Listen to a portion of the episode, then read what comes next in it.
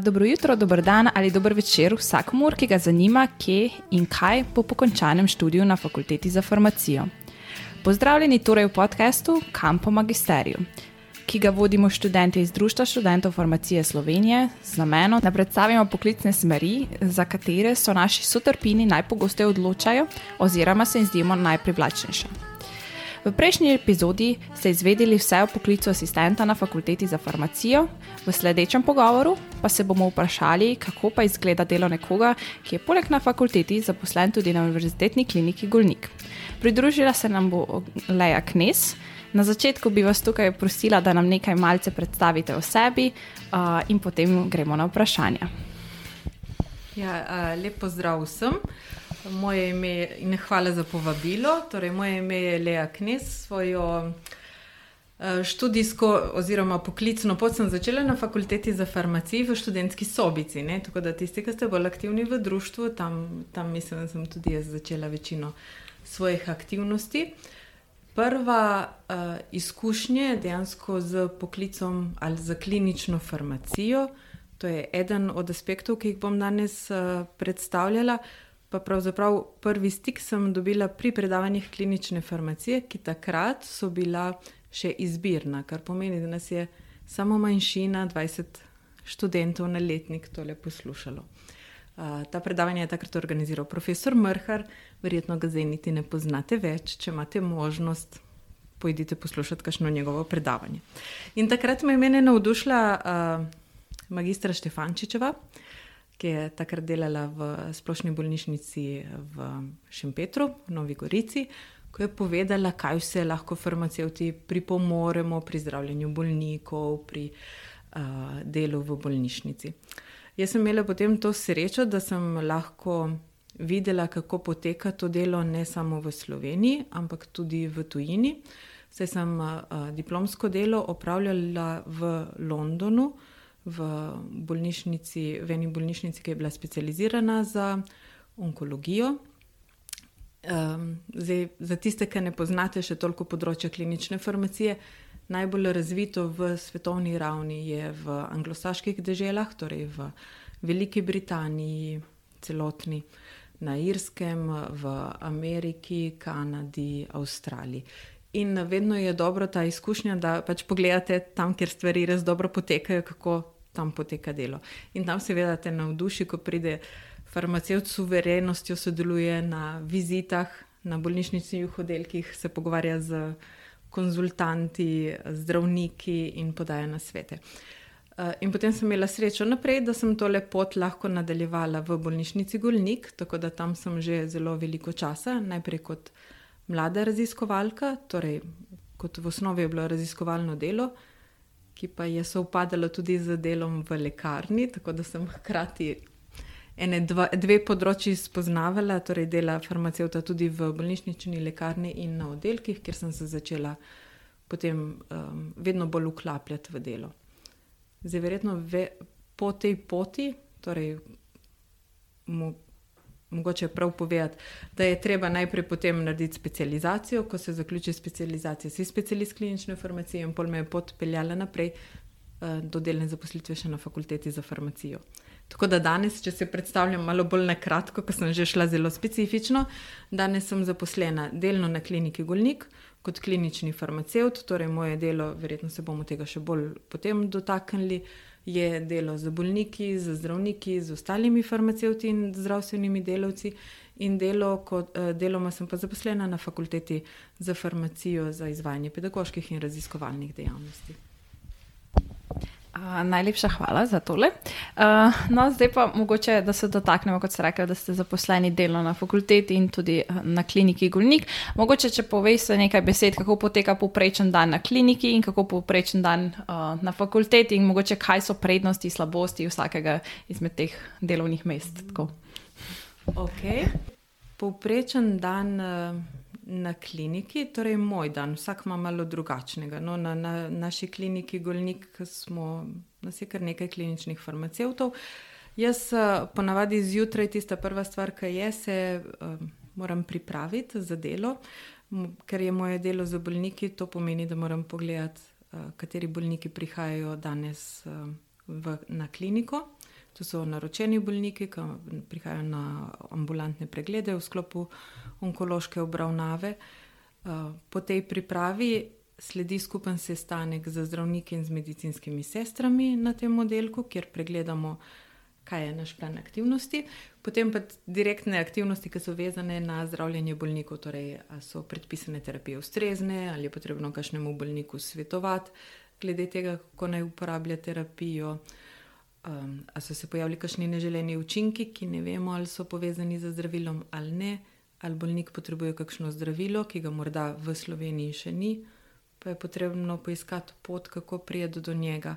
Tako da povprečni dan se začne rutinsko, razvija se pa zelo nerutinsko, uh, in ker je pač vsak bolnik prine, prinaša svoje izzive, se potem veliko krat zaključi z kakšnimi vprašanji, treba, na katere treba poiskati odgovor.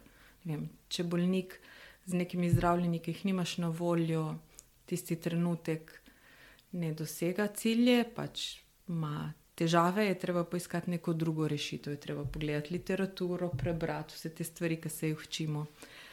Um, tukaj na fakulteti je potem tam treba v enem dnevu na hitro udejanjiti. Tako da to je tisti tipičen dan na kliniki, vmes so seveda še en kup drugih stvari, od sestankov, te administrativne, ki pridejo povsod, pa tudi strokovne, kot so predavanja, pa raziskovalno delo. Um, na fakulteti bi rekel, da morda je še malo manj tipičen dan, um, pa če se vedno malo zafrkavam, ker je moje delo nekako, ga skušamo čim bolj, uh, moj urnik, ga čim bolj zrutinizirati. Ne? Tako da sem običajno ponedeljkih do sredah na Golniku, potem pa četrtek, pa petek na fakulteti. Tako da se pol, um, v, tako včasih pošalim, da imam dva petka. Ne? sredo pa petek, pa tudi dva ponedeljka, ponedeljek pa četrtek. Tako da potem tisto stlači, tisto delo na fakulteti v dva dni, v, v dva dneva je včasih kar malo izzivno, je pa pač tam čisto na fakulteti dosti manj rutinsko, ki je vezano na to, kdaj so pedagoške dejavnosti, kakšni sestanki, kakšne druge aktivnosti. Um, Ja, je pa tisto delo na fakulteti, predvsem delo za študenti, delo na raziskavah, pa na raznih projektih. Okay, hvala. Uh, ali ste se že v času študija ukvarjali z raziskovalnim delom? Mogoče kdo vas je za to navdušil, da ste šli v raziskovanje, v da ste se recimo odločili za doktorat? Aha, uh, ja, dejansko v času študija se nisem ukvarjala z raziskovalnim delom, bolj z organizacijskimi vidiki, pa mogoče kakšnimi strokovnimi. To, da je bila moja prva zaposlitev, dejansko, da sem šla iz fakultete pol na mesto mladega raziskovalca. In v to raziskovalno sfero je bilo bolj na ključje. To je bila tista možnost zaposlitve v bolnišnici, ki je že se uveljavljala kot dober center za klinično farmacijo. Takrat v tistem času ni bilo tako enostavno se kot farmacevt zaposliti v bolnišnico, bolnišnic, kjer bi vodstvo, kjer bi okolje spodbujalo delovanje klinične farmacije pa pravzaprav je bilo zelo malo. Tako da takrat se je ponudila možnost, da je profesor Košnik, uh, to je bil takrat direktor bolnišnice Golnik, imel eno prosto delovno mesto za mladega raziskovalca. Jaz sem bila ravno tam in sem iskala zaposlitev, in tako se je to soupadlo. Um, je pa zagotovo nekaj, kar bi zelo priporočala in zagotovo ne obžalujem. Eh, ker ti raziskovalno delo da čisto drugi upogled v strokovno delo, ali je to v lekarništvu, ali to v industriji, ali klinični farmaciji, kjerkoli. Res bolj v globino spoznaš neko področje. Hkrati, če zahteva od tebe tudi sodelovanje, tako da jaz sem se verjetno tudi pred, preko raziskovalnega dela najbolje povezala z zdravniki, da smo skupaj sodelovali. Če se skupaj dela, je vse lažje. Ne? Kot če ti priješ tam, pa rečeš, da boš zdaj ti vse povedal, kako naj bo. Um, tako da ne v času študija nisem bila tako raziskovalno aktivna, je pa to nekaj zagotovo, kar bi priporočala vsem, ki ste v zaključku študija. Um. Potem, če prav razumem, je doktorat prava odločitev za prihodnost, mogoče za študente, ki se za, za to odločajo. Um, Ja, pravih odločitev ni, ne? vsak ima svojo. Ampak jaz bi, je veliko lažje na začetku iti v raziskovalno delo, kot pa potem, recimo, sredi neke zaposlitve. Ne? Uh, potem se vem, da se vam zdi zelo daleč, ampak pokaj še družina je še malo teže. Uh, tako da, ja, bi, če nekdo ima željo po raziskovanju, nikoli ni prepozno, ampak če želi, ima tudi neko željo po nadgradnji neke akademske kariere, je lažje takoj, kot pa kasneje, to gotovo. A, kako ste se odločili, recimo, ravno za klinično farmacijo? Vem, mogoče ste imeli tudi tekom faksa kakšen predmet, ki vam je bil bolj všeč, da ste mogoče oklevali ali bo tako zelo direktno odločitev? Ne, direktna ni bila. Pač, ko sem prišla v tisti zadnji letnik, smo imeli izbirni predmet iz klinične farmacije, ki me je zelo navdušil, to gotovo, ampak potem je šla nekako izbira izključevanja, kaj si ne želim delati, pa smo pristali na klinični farmaciji, pa, pa je res ta izkušnja z, v, v tujini, ne, kjer pač sem delala z neki enimi izmed najboljšimi kliničnimi farmacevti, dejansko sedanjo generalno sekretarko FIPA, uh -huh. uh, tudi, ki me je čisto navdušila. Uh -huh. In potem sem nadaljevala to pot in me vedno bolj navduševala. Tako da ni, ni bilo nekaj, kar mi je bilo usvojenega, niti zelo načrtovanega, pač zgodilo se je in je super. Uh, glede na to, da imate izkušnjo iz Velike Britanije, pa glede na to, da malo sama spremljam, kakšna je situacija glede uh, tam. No, Kakšno imate mnenje glede tega, ker imajo v Veliki Britaniji recimo prescription um, pharmacies, uh, uh, da bi to recimo uvedli pri nas, vam to zdi smiselno za, recimo, za naše območje? Aha. Zdaj tako, štartamo, ja, zdi se mi smiselno in se mi zdi neka naravna pot. Vse do tega bo prišlo, prej ali slej bo tudi verjetno v Sloveniji farmacevti bili najprej. Um, odvisni predpisovalci, pol pa neodvisni. Ne? In taka pot je bila tudi v Angliji. Ne? Torej, najprej so farmacevti lahko predpisovali zdravila pod nadzorom zdravnika oziroma v nekem dogovoru z zdravnikom, potem pa naprej neodvisno. Ampak to je še vedno zelo regulirano. Zdaj je res tako, kot se izpostavlja, da Velika Britanija je. Začela bistveno prej razvijati klinično farmacijo, tudi iz drugih vzgibov, in glavni vzgib, zakaj so tam uh, klinični farmacevti, pa tudi diplomi, diplomirane medicinske sestre, tako močne zaradi velikega pomankanja zdravnikov. To je bilo tisto, ki je bil štart. Ne? Tako da so začeli pred nami. Ampak, če danes jaz pogledam in če primerjam, recimo, zdaj um, okay, 20-letno razvoj klinične farmacije v Sloveniji, v Sloveniji smo zelo dobri na bolnišničnem nivoju, vsaj pa tudi na primarnem nivoju, vedno boljši. Um, dejansko v Sloveniji klinični farmacevte boste srečali v vseh bolnišnicah, srečali jih boste na oddelkih, ne v lekarni, kar je poanta, ne, to je smisel tega. Uh, izvajamo zelo veliko storitev, ki so zdaj tudi plačane. Ne, um, jaz že, če samo malo primerjam, ne, zdaj pa če že toliko let delam, da lahko primerjam tudi časovno. Če na začetku, ko sem jaz začela delati in sem prišla na delek, so me vprašali, kdo ste pa vi, kaj pa vi hočete, ali lahko gledate dokumentacijo, ne, kaj pa mi boste pametovali o tem. Zdaj nas pokličejo, upoštevajo, farmacevti smo deli um, eni od članov multidisciplinarnih konzilijev, nimamo nobenih takih zadržkov. Tako da je klinična farmacija bistveno, bistveno mm. naprej. Tudi v Sloveniji in prej ali slej bodo tudi vse sožete pobude tudi po neodvisnih odvisnih in neodvisnih predpisovalcih. Je treba pa začeti počasi, ne prehitro. Okay. Kaj bi mogoče izpostavili kot najlepši in mogoče kaj najtežji del vašega poklica? torej, zdaj pri najlepšem delu, zdaj imam spet dva poklica. Torej, najlepši del um, pri poklicu kliničnega farmacevta je pomagati bolnikom. Um, zato, ker je to nekaj takega, kar včasih za zelo enostavnimi stvarmi narediš veliko razliko, pri tem, ko pojasniš kakšno stvar.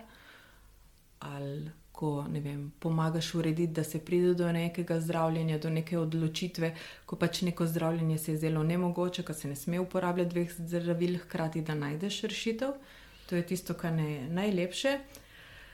Najtežje je, ko ti to ne uspe. Uh, to je nekaj, kar se uh, mi, kot farmacevti, s, tem, s temi težavami ne soočamo.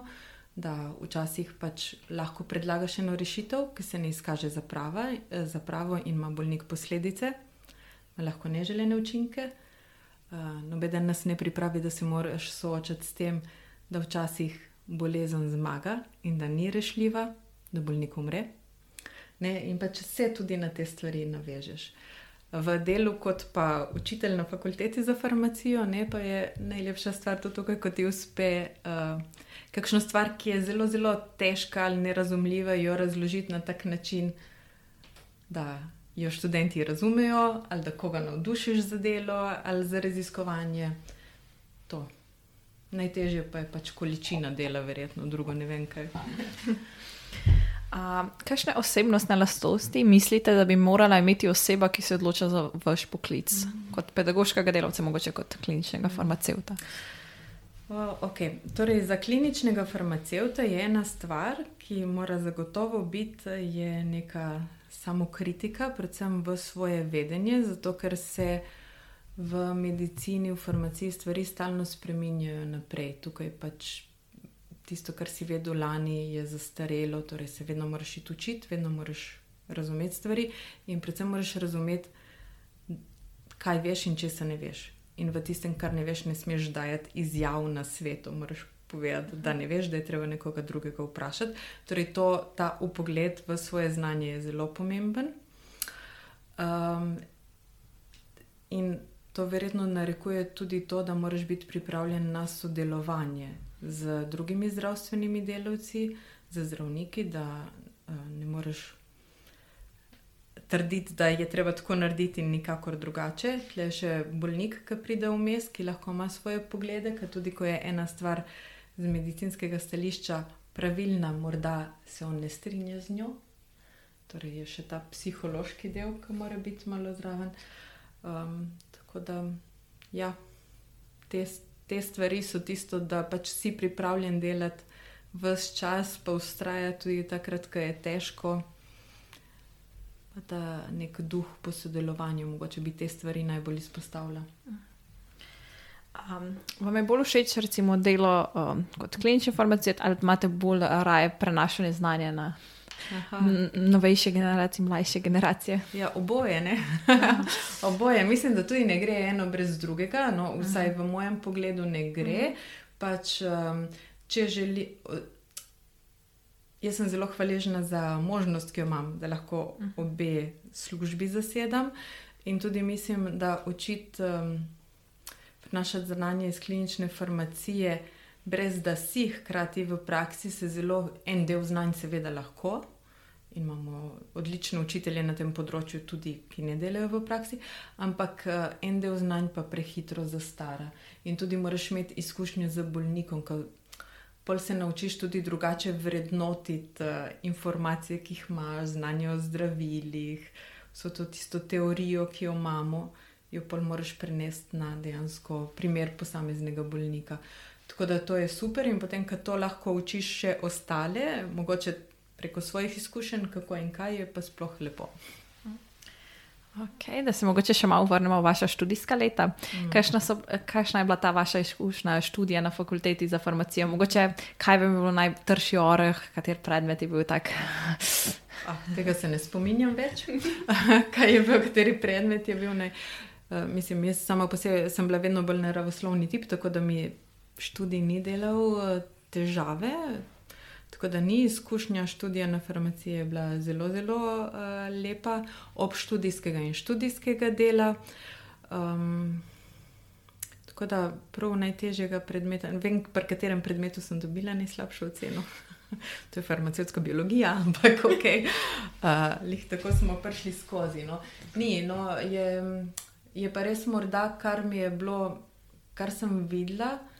Da Eh, potem v podiplomskem študiju, v času specializacije, ko sem se specializacije, pač podiplomski študij, ki ga upravite ob delu, ne, zahteva delo, podobno kot uh, so specializacije zdravniške, pač vi se morate zaposliti na eno delovno mesto, pridobivate tam izkušnje, imate pa tudi nekaj teoretičnih vsebin. In ker so se tiste teoretične vsebine tako lepo poklopile in so upadale z delom, je lažje aplicirati vsa tista znanja iz predmetov na praksi in je bistveno lažje učenje. Mogoče to, potem, ko sem gledala za nazaj, sem tega malo pogrešala na fakulteti, no, na dodiplomskem študiju. Imate kakšne nasvete za študente, ki se zdaj soočajo s temi kariernimi odločitvami? Delo kliničnega farmacevta je zelo lepo. Pridite k nam, klinika Golnik je super. ne, drugače je res. Um, Verjamem, da je to težka odločitev. Ko se odločate, morate vedeti, da vsako odločitev lahko potem tudi spremenite. Torej, um, ne si vzeti preveč teže. Če se boste danes odločili, da boste šli kar v kariero kliničnega farmacevta in vam ne bo všeč, boste lahko čez leto, dve, tri jo zamenjali in ravno obratno. To je ena od prednosti, ki jih nudi študij na naši fakulteti. Torej, se lahko kot farmacevt zaposlite v številna področja in te svoje zaposlitve tudi menjujete. Je pa res delo kliničnega farmacevta zelo lepo, um, je pa težko, ne samo zaradi učenja, ampak tudi zaradi tega stika z bolniki, z zdravniki, je treba še en kup teh mehkih veščin obvladati. No. Če so morda sami niste slišali v študentskih letih, pa si želite, da bi takrat. Jaz sem študirala zelo dolgo časa nazaj, tako da ne vem, če je to še aktualno vprašanje. Ampak eh, tisto je mogoče. Uh, Tiste stvari, ki so se zgodile šele pri enem izbirnem predmetu, ne, da pač se učiš vem, pet let o zdravilih, pa v končni fazi, če ne bi imela izbirnega predmeta, ne bi točno vedela povedati, kako začnemo zdraviti hipertenzijo, kakšen nasvet dati bolniku, ko ga nekaj boli, mm. razlikovati vse neželene učinke. Take stvari, ki so mogoče hm, jih takrat vedeli moje babice, pa dedek, ker so bili uporabniki zdravil, jaz pa, ki sem študirala, ne. Tako da uh, to se mi zdi, da študent, ko odide z naše fakultete, mora to vedeti. Mislim, da se je v teh letih ogromno že naredilo napredken. In da tudi se poznate, študenti, vedno boljši in tudi vedno več teh vsebin imate. No. Ampak to velja res mm -hmm. za kar en, 20 let nazaj, če prav računam skoraj. Uh, mogoče boste delili z nami še kakšen najlepši spomin študentskih let, lahko tudi ob, iz ob študijskih dejavnosti. Zdaj pač tisti spomini iz um, študentskih let, ne pa če sem imela tako srečo, da smo naenkrat prišli na fakulteto en kup ljudi, ki smo se zelo dobro med sabo razumeli in smo še vedno zelo dobri prijatelji, tako da teh spominov je mnogo in so vsi zelo lepi. Sem bila še zunaj generacij, ko smo hiraj, kam hiraj, go začeli plesati. Tako, tako da uh, je teh spominov veliko. Ja.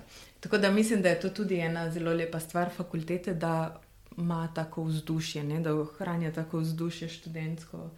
In um, tudi vz, so te stvari zelo pomembne, no? ne samo zato, da so lepa študentska leta, tudi vam dajo veliko izkušenj, ki so koristne, ne glede na to, kam se boste zaposlili. Okay. To bi bilo to za danes. Najlepša hvala vam, da ste se vzeli čas, da ste poklepetali z nami, in tudi hvala našim poslušalcem, ki so spremljali tale podcast in prišli do konca.